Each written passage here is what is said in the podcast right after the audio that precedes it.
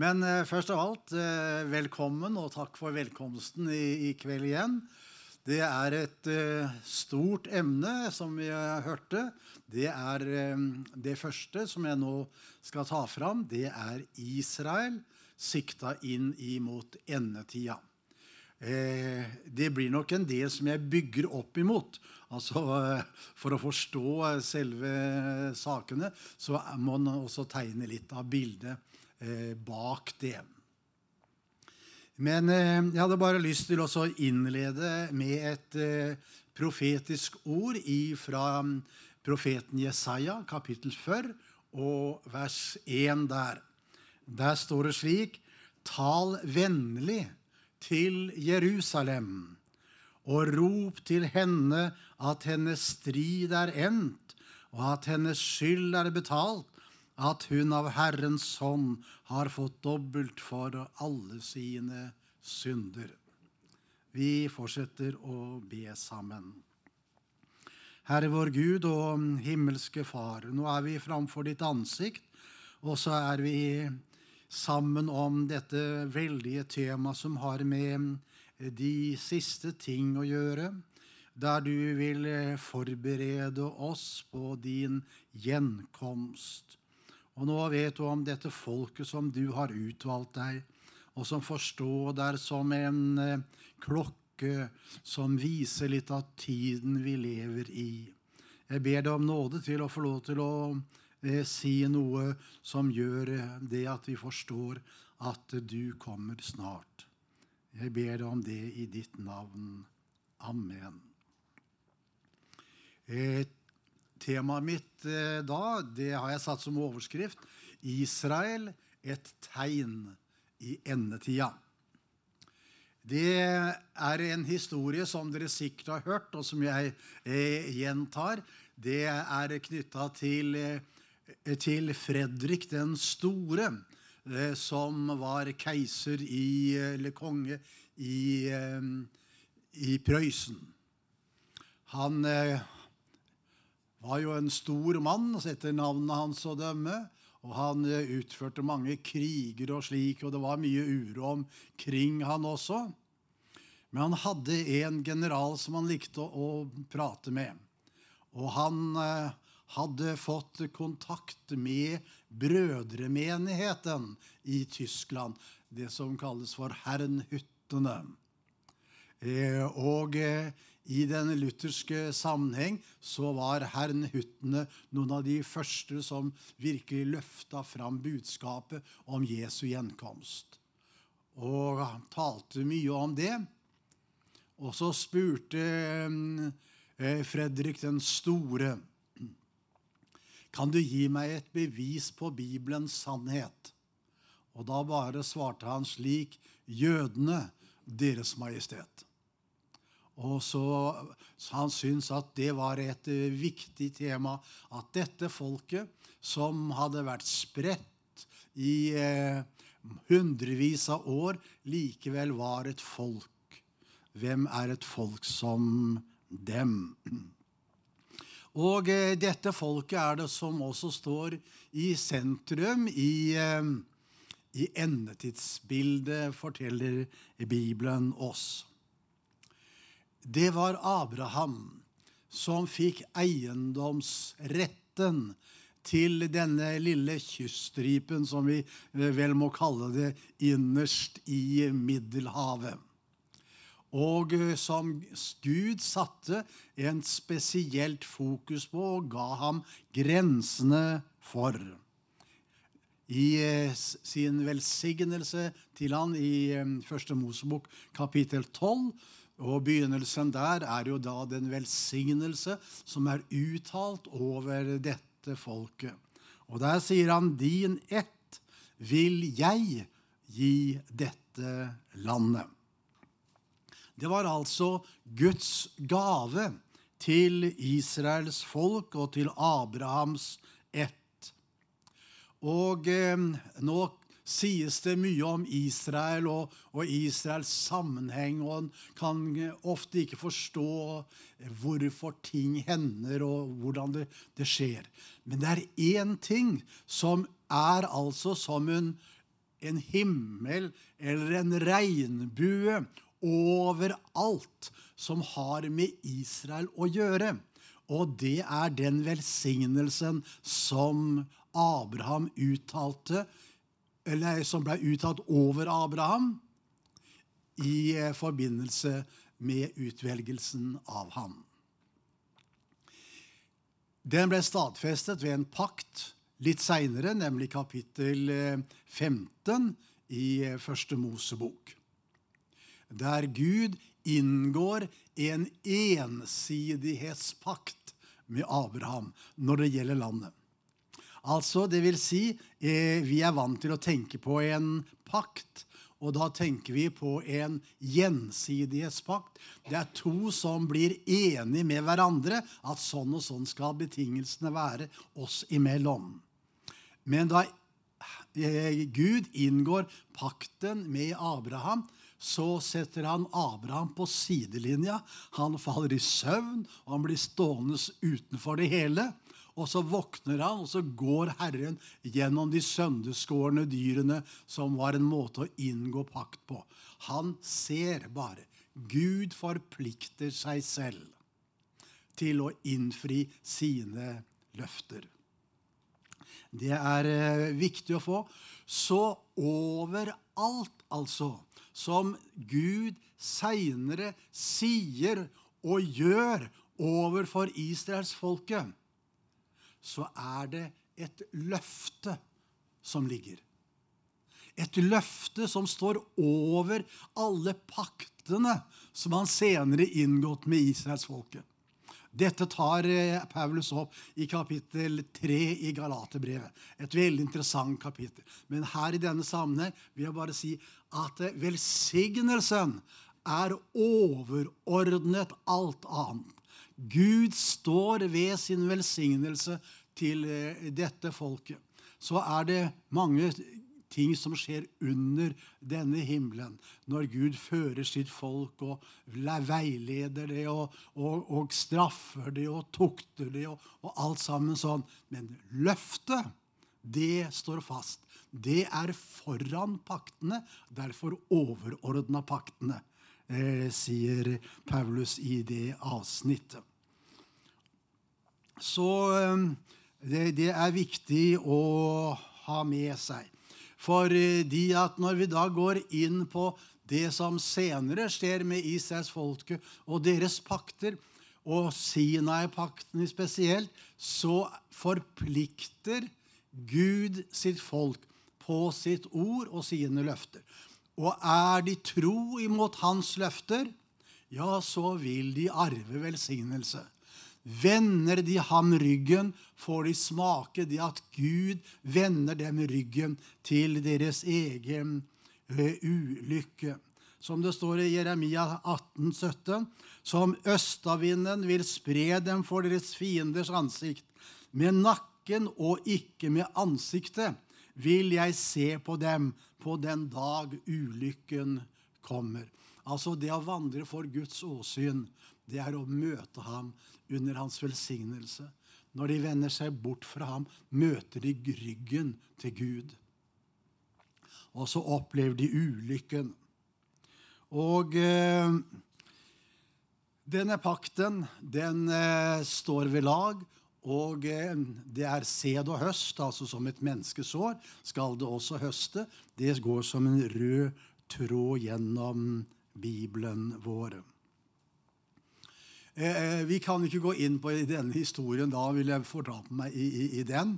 Eh, men eh, første resultat av Israels forakt for Guds bud og Guds ordninger, det førte dem i fangenskap i Babylon.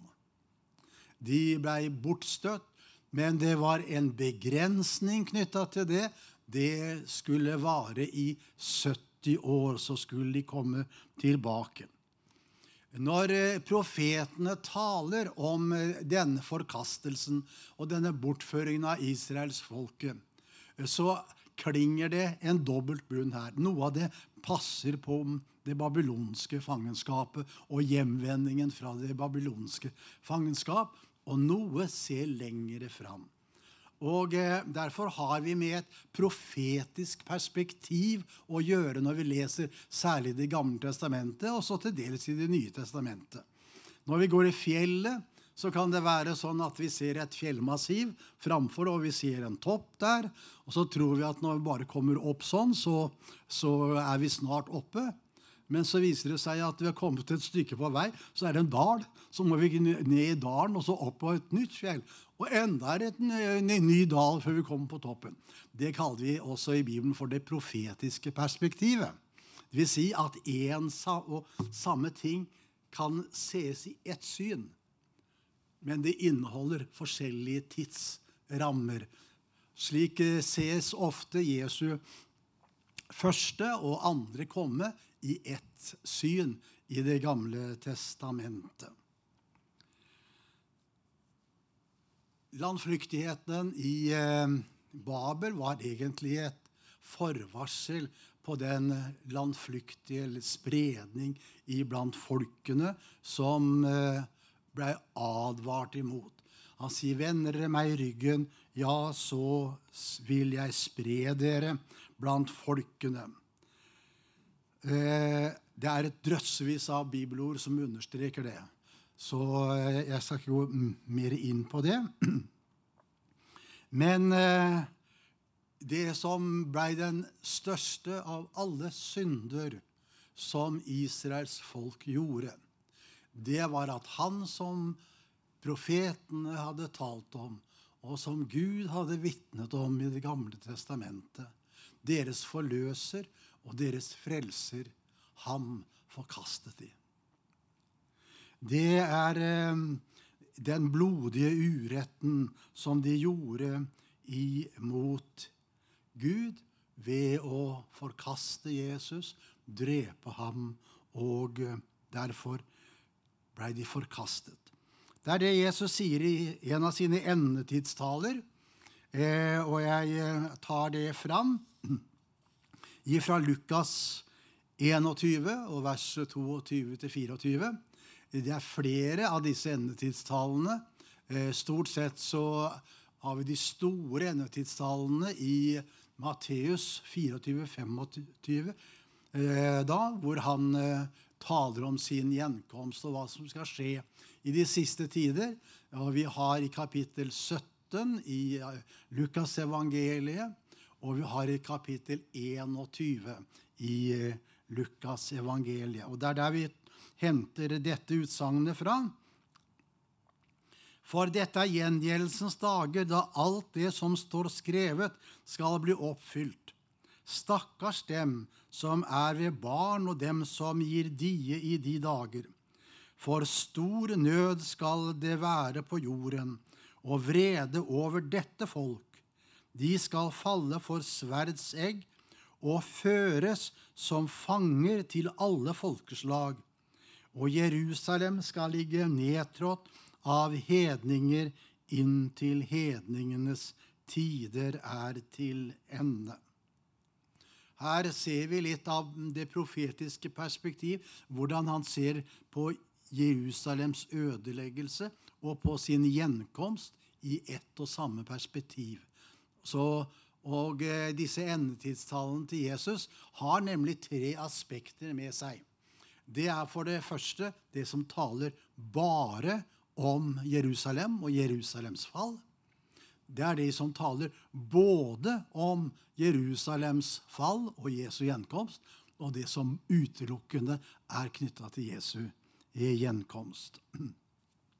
Så det er den eh, dobbeltheten som vi ser. Og så merker vi oss den sårheten som Jesus er fylt av, med tanke på at hans eget folk, som var utvalgt av ham til å bære hans frukter og ta mot av ham, at de viste ham ryggen.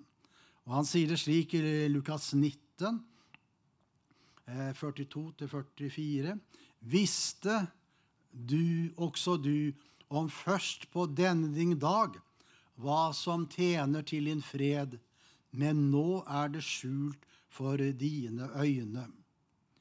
For dager skal komme over deg, da dine fiender kaster en vold opp omkring deg, og de skal kringsette deg og trenge deg fra alle kanter, og de skal slå deg til jorden og dine barn i deg.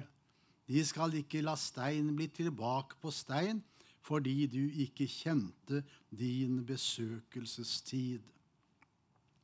Noe av det samme får vi også i, eh, i Matteus 24 og vers 2 eh, der. Er det Jesus sier det samme.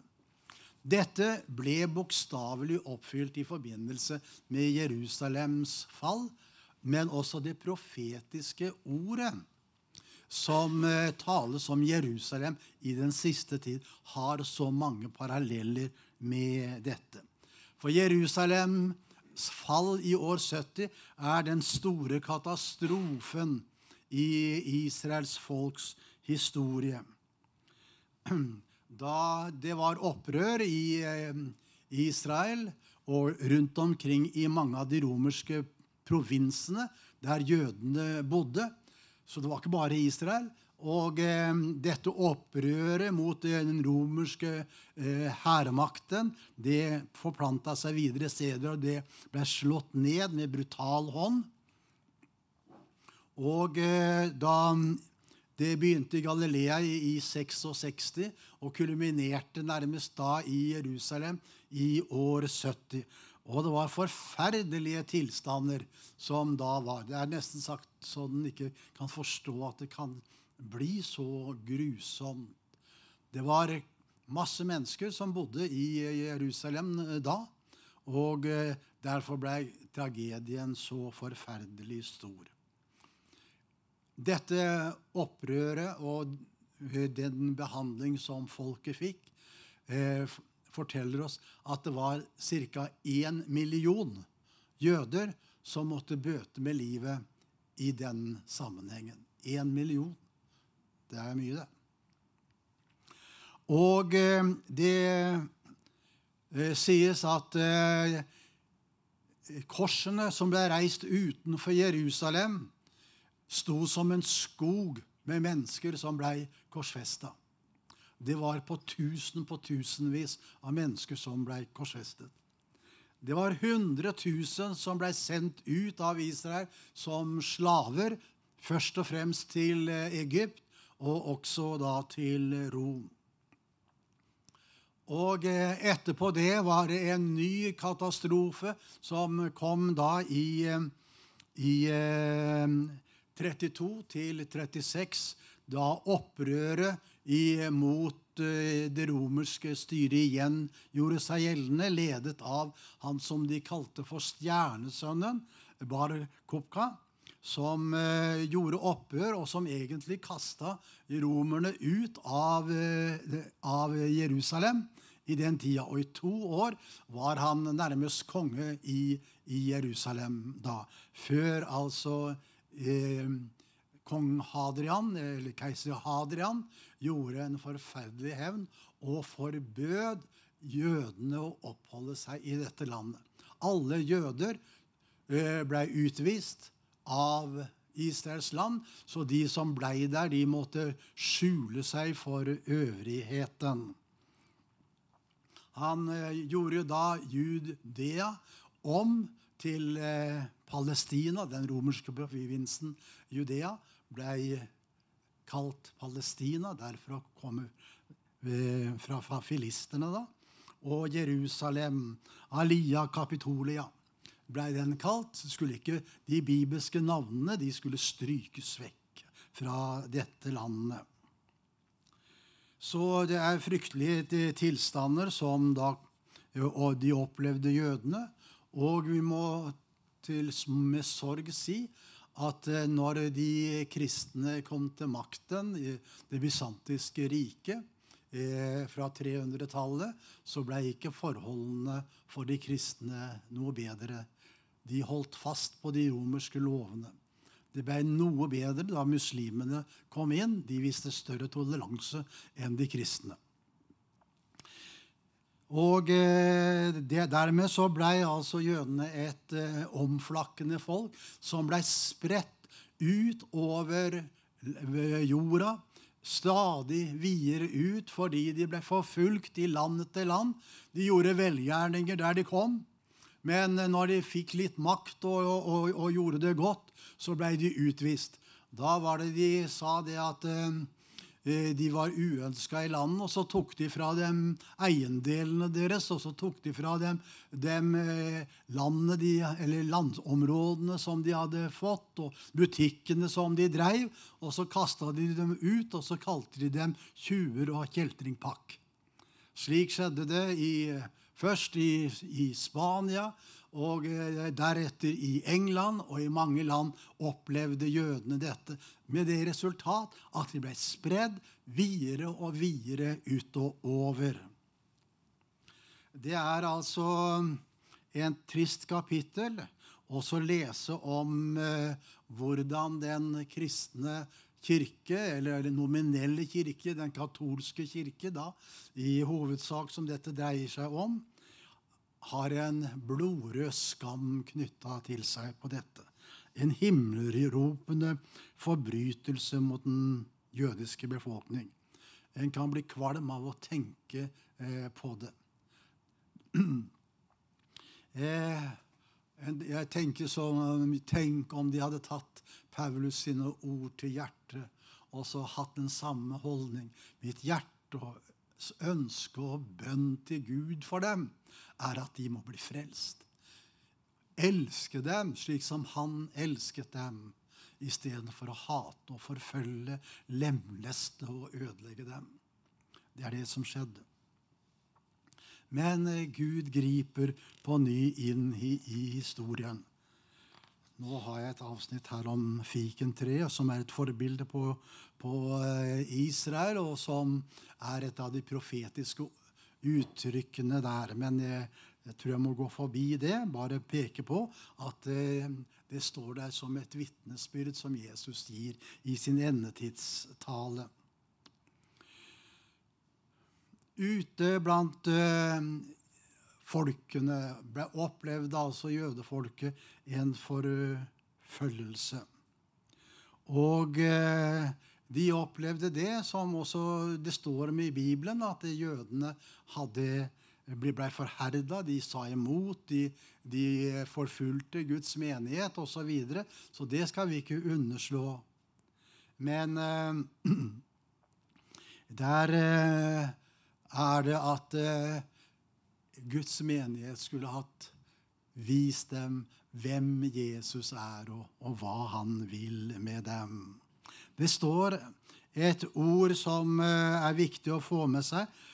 Eh, for jeg vil ikke, brødre, at dere skal være uvitende om denne hemmelighet, for at dere ikke skal anse dere selv for kloke.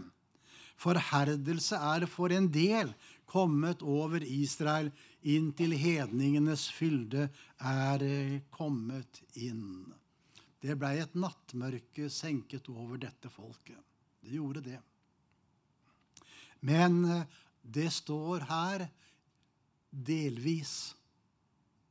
Eller som det står nå i nye, for en del kommet over Israels folk. Heldigvis så ser vi det. Vi ser det i den første kristne tid, at det var jøder som tok imot Jesus. Og det skjedde i tusenvis i den første kristne tid. Så det var ikke totalt mørke som skjenket seg over Israels folk, men det må forkynnes evangeliet for dem om de da skal få ta imot.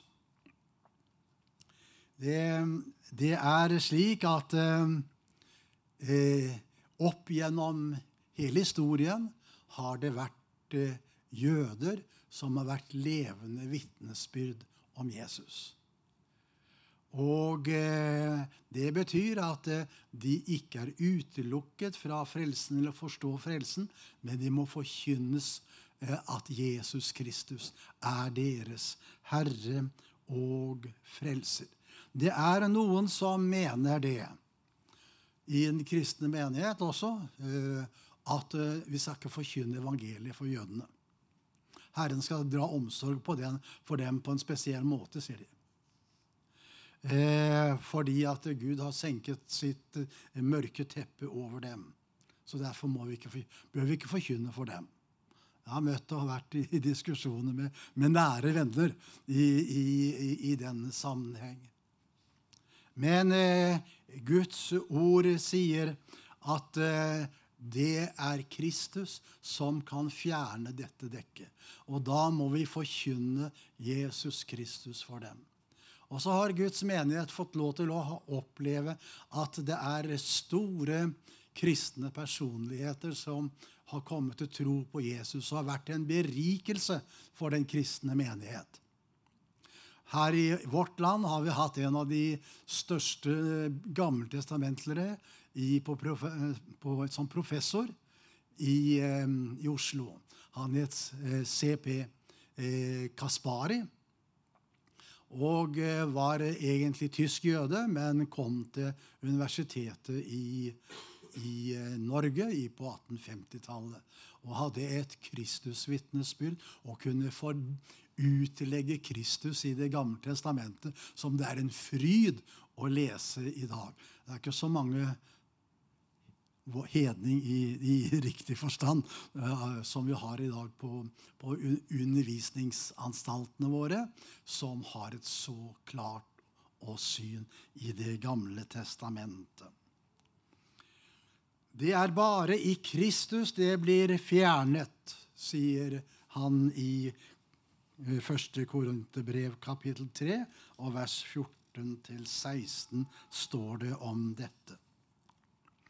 Og eh, Paulus han understreker at eh, jødene de har et fortrinn. De er ikke forkastet. De er ikke stilt utenfor rekkevidde eller noe annet. Der han sier eh, det slik at de er jo israelitter, sier han i Rombrevet 9, 4-7. De er jo israelitter, dem tilhører barnekåret og herligheten og paktene og lovgivningen og gudstjenesten og løftene. Dem tilhører fedrene, og fra dem er Kristus kommet etter kjødet. Han som er Gud over alle ting, velsignet i evighet. Og eh, senere i Romerbrevet 11, 28 og 29 står det slik at eh, når det gjelder evangeliet, er de blitt fiender for deres skyld. Men når det gjelder utvelgelsen, er de elsket for fedrenes skyld. For Gud angrer ikke sine nådegaver og sitt kall. Altså løftet som gjelder overalt. De har velsignelsesløftene knytta til seg. Og fordi de har disse løftene knyttet til seg, er det at Gud våker over dem, slik at han vet hvor de er, spredd over den ganske jord, og så er han mektig til å føre dem tilbake igjen til sitt land og samle dem som et folk. Og pakten, den står ved lag. Og eh, dette landet, sier han, landet ligger Gud på hjertet, for det er i dette landet Israels folk hører hjemme. I 3. Mosbok 26, 42 står det Landet vil jeg komme i hu. Altså ikke bare et folk som er spredd, ikke bare samlet folk, men han skal samle dette folket i landet. Og i 5. Mosebok kapittel 30 og eh, det eh, femte verset der, er, er det vel?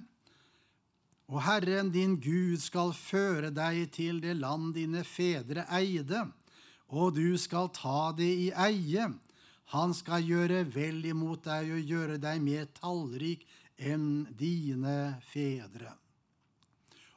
Og et av de store avsnitt i Bibelen som taler om dette folket som skal hjem, ikke fra Babel, men fra alle verdens land og riker som de er spredd til, har vi hos profeten eh, Amos. Jeg tror jeg må ta meg tid til å lese det for dere. På den dag vil jeg reise opp i en Davids falne hytte Jeg vil mure igjen dens revner og reise opp det som er nedbrutt av den. Jeg vil bygge den opp igjen som i gamle dager, slik at de får ta i eie det som er tilbake av Edom og alle de hedningene folk som kalles ved mitt navn, sier Herren, som gjør dette. Se, dager kommer, sier Herren, da den som pløyer skal nå igjen den som høster, og den som tråkker vindruer skal nå i den som kaster ut sæden, og fjellene skal dryppe av most, og alle haugene skal flyte over, og jeg vil gjøre ende på mitt folk Israels fangenskap. De skal bygge opp igjen de ødelagte byene, og bo der og plante vingårder og drikke deres vin, og de skal dyrke opp hager og ete deres frukt. Jeg vil plante dem i deres land, og de skal aldri mer bli rykket opp av sitt land, det som jeg har gitt dem, sier Herren Gud. Det er sterke ord. Fantastiske ord. Og eh, hvorfor taler han slik? Jo, han vil ha sitt folk hjem. Han vil ha dem til landet sitt. Han vil gjøre sine undre iblant dem i deres eget land. Derfor ligger det han så på hjertet. Vi kan spørre oss sjøl hvorfor kunne ikke de bare velsigne dem der de var. Nei, Herren har nemlig et land som han har gitt til sitt folk, og det er der han vil eh, velsigne dem. I århundrer har de vært utestengt fra dette landet. Ikke fått kommet hjem. Alle hindringer er blitt lagt i, i, veien for dem. Og det er et stort kapittel å bare gå inn på det. Men eh, der ute i blant folkene, der var det en hilsen som gikk fra munn til munn, og som de samstemmig også løftet opp. Neste år i Jerusalem. Bønn til Gud. Det var der de hørte hjemme. Der var deres lengsel. Til tross for alle hindringer. Og eh, mange ganger så var ikke det like levende hos alle, men det var noen som sto på og dro på dem. Og så ikke minst var det Herren selv som var ute etter dem for å finne dem og for å jage dem hjem igjen. Han brukte redskaper. Han gjorde det. Han eh, rørte menneskets hjerter slik som han kan og vekke tanker, slik som han gjorde hos hedenske konger, til og med, når det gjaldt hans eget folk, slik som at det er Serkses, som farao og forskjellige slik. Og eh, Theodor Herzl, som skrev 'Jødestaten' og vekte lengselen i, i, jødefolket.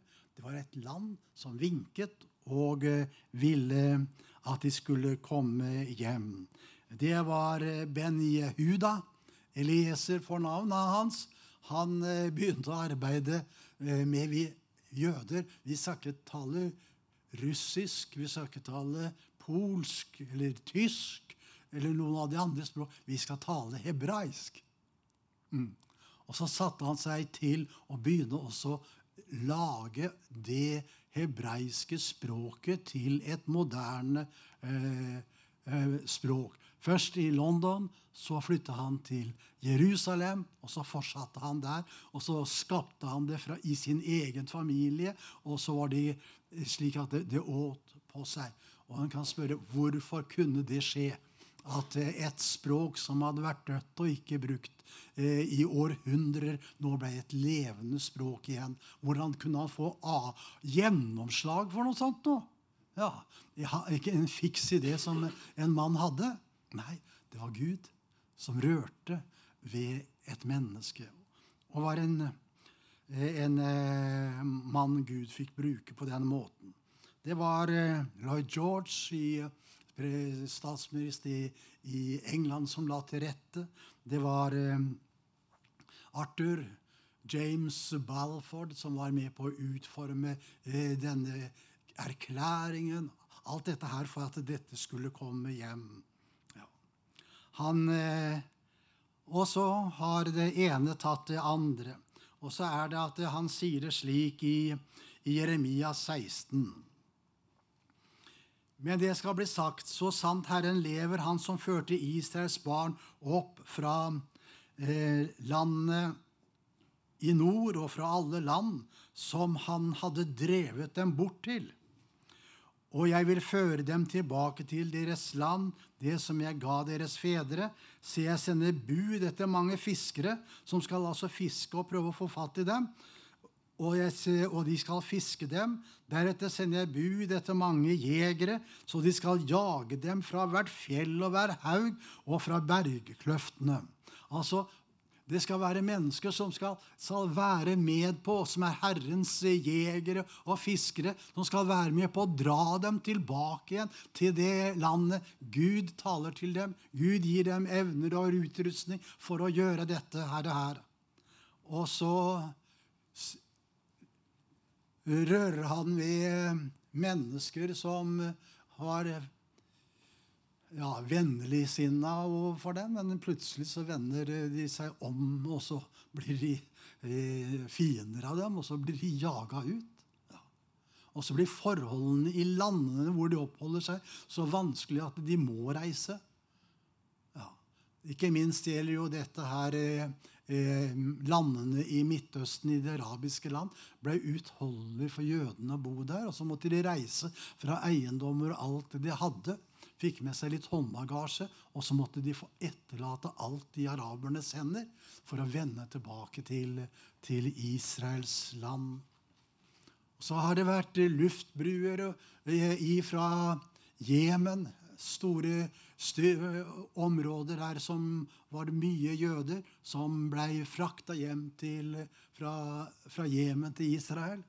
Og så hadde du denne operasjonen ved Salomon fra Etiopia, hvor de henta ut Falasha-jødene og tilbake til Israel. Enestående opplevelser å få lov til å være med på å se det som skjer. Hvordan Gud gjør altså, for å hente sitt folk hjem i denne tid. Jeg vet ikke om mange av dere som har sett den filmen om uh, Operasjon Salomon. Men jeg syns jo det er en, en fantastisk eh, sak. altså. Når de fyller et transportfly med jøder. De sitter der tettpakka i et lasterom. Der uh, er det barn som kommer til verden, og der, der skjer det mye. Og så er det noen som eh, står og venter.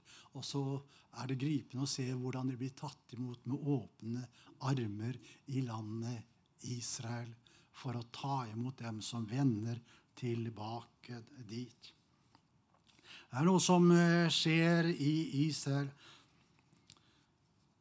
Eh, det var jo profetert om i Det gamle testamentet også, at jødene fra, Egypt, nei, fra Etiopia skulle vende hjem. Og i dag er det altså eh, kommet jøder fra 120 forskjellige land rundt omkring i verden tilbake til Israel. Er det registrert? I sannhet er det fra alle folk og nasjoner henta hjem, slik som profetene hadde sagt. At de ville bosettes i, i landet. Og Jesus han sa altså at eh, de skulle være spredd, men det var et inntil. Og så, så står det og Jerusalem skal ligge nedtrådt av hedninger inntil hedningenes tider er til ende. I Lukas 21, 24. Israel fikk sitt eget land i 48. I 1967 fikk de hele Israels land. Og eh, det er eh, flere enn meg kanskje som den gang satte et lite merke ved dette ordet i Bibelen. Syvende i sjette 67. Det sto det i hvert fall i den Bibelen jeg hadde da. Ja. Oppfyllelsen. Og så opplevde vi det såre, kan du si, at eh, de eh, ga Jordan retten til eh, tempelplassen. Og så kjenner en enda på at en endelig oppfyllelse av dette ordet enda ikke har skjedd. Fordi at eh, de har ikke herredømme over, over tempelplassen. Så skal nok Herren fullstendiggjøre også denne profetien. Han skal ha dem hjem, og eh, vi ser at eh, de er kommet hjem i stor utstrekning. Og så er den andre fasen i, i, dette at de skal bygge landet. Han skulle ikke bare ha dem hjem, at de skulle være der, for det var et eh, land som lå i ruiner. Det var dekket av ørken, store deler av området, og mange lo når jødene vendte hjem. Det var jo ikke var jo ikke plass til dem. Det var ikke liv, nær, næringsgrunnlag for et folk der. Derfor var det de jødiske, nei, de engelske eh, okkupantene, kan du si, eller eh, når de hadde ansvaret der nede, de sa vi må begrense innvandringen av jøder. For det er ikke plass til dem. Det er ikke livsgrunnlag for å ta imot så mange. Ja, det var det. Og så var det at det i den samme grad som de kom hjem, begynte det gro. Og det ble nytt liv i ørkenen. Det var ting som begynte å skje. Slik at eh, eh det som står i Jesaja 61, 4, eh, står det sånn De skal bygge opp igjen det som ble ødelagt i gammel tid gjenreise det som ligger øde fra de første slekter. De skal fornye ødelagte byer, det som har ligget øde fra slekt til slekt. Og så taler de det om hvordan ørkenen skal blomstre. Det som har ligget brakk, altså. Og så ørkenspredningen som har vært så dominerende i områdene der nede, og fortsatt er det, unntatt i Israel. Og så var det folk som ikke hadde fått lov til å ha en hageflekk engang rundt omkring i landene, ble ført hjem til Israel. Og så blei det jordbruk av det. Og så blei det Jaffa-appelsiner som sprettes over hele verden og fikk et ry på seg. Og så blei det som en Edens hage. Og det er jo fantastisk å, å eh, se det i dag og oppleve det. Det er noe av oppfyllelsen av mange av profetiene. Vi eh, står fortsatt i en situasjon hvor vi ser at det er mye som skal oppfylles. Fortsatt. Israel i endetiden, og i endetiden ikke minst Jerusalem, som eh, er eh, et så sentral plass i verden i dag at de sier det at etter New York så er Jerusalem den som har flest journalister eh, bosatt oper i operasjonen der nede. Fordi at her skjer det. det. Om ikke det er verdens sentrum, så er det, er det verdens navle, kanskje. For der er det Guds by ligger, den som han kaller ved hans navn. Og Derfor er det også fiendskapet mot Jerusalem vil være så sterkt i endetiden. I Sakarias 12,2 står det:" Se, jeg gjør Jerusalem til en tumleskål for alle folkeslagene rundt omkring. Når Jerusalem blir kringsatt, skal det også gå ut over ø, Juda. Og her, Når vi leser om de ting som skal skje i Israel, så ser vi veldig mye av det samme som skjedde ved Jerusalems ødeleggelse. Så det er som du ser skyggene av eh, dette. Det skal bli en tomleskål, altså en berusende eh, vin, som folkeslagene skal drikke av. Og så skal de måtte gjøre regnskap for Gud for den behandling de gir dette folket. De kan ikke la være å, å, å ha, ville ha med den å gjøre. De mister den sanne dømmekraften. De blir berusa, slik som eh, fulle folk gjerne mister kontrollen og, og, og, slik. Sånn skal det bli når de behandler Jerusalem, sier Herren i sitt profetord. De maler vrengebilder av virkeligheten. De mister likevekten og selvkontrollen. Og så ender det med at de faller. Det blir en tommelskål. Og eh, det andre som sies i denne sammenheng, er Sakarias 12,3, eh, altså verset etterpå. Det skal skje på den dag at jeg vil gjøre Jerusalem til en løftestein for alle folkene. Alle som løfter på dem, skal såre seg selv. Ja, alle jordens hedningefolk skal samle seg eh, mot det. Altså det er, det er noe de blir utfordra på. Jerusalem den vil de gjerne eh, Det er to ting, kan du si. De, de, prøver å løfte på den, så skader de seg sjøl. Det er for tungt å løfte på. Slik som at mange har løfta på tunge ting, og så har de fått vondt i ryggen og ødelagt ryggen på dette løftet. Slik skal det se. De kan ikke klare det. Og det andre er at de vil gjerne få Jerusalem til å være noe annet enn det det er fra Herrens side. De vil prøve å løfte den og dreie den og få den bort fra den stilling og den plassering som den er, har, og som Gud har gitt den. Endre Jerusalems stilling.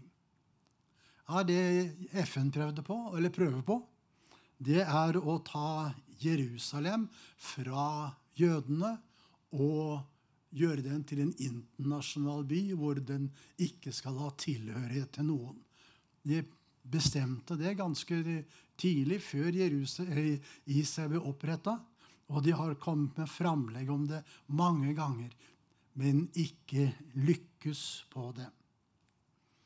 Så eh, det er noe som understrekes.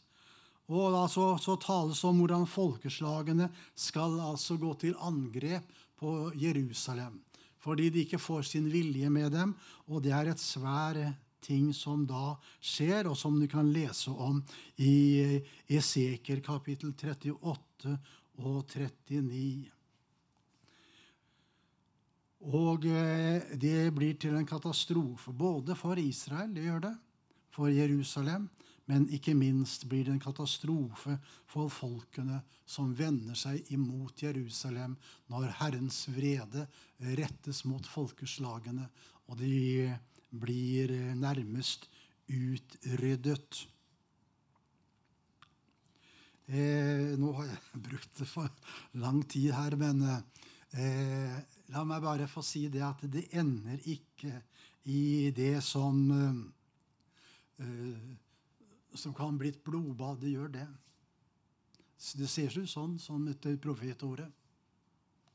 Men eh, det ender med slik som Sakarias 12,10 sier det. Men over Davids hus og over Jerusalems innbyggere vil jeg utgyde nådens og bønnens ånd. Og da skal de skue opp til meg som de har gjennomstunget, og de skal sørge over ham som en sørger over sin enbårne sønn, og klage sårt over ham, slik som en klager over sin førstefødte. Det forteller meg at Israel vil få en ny nådetid.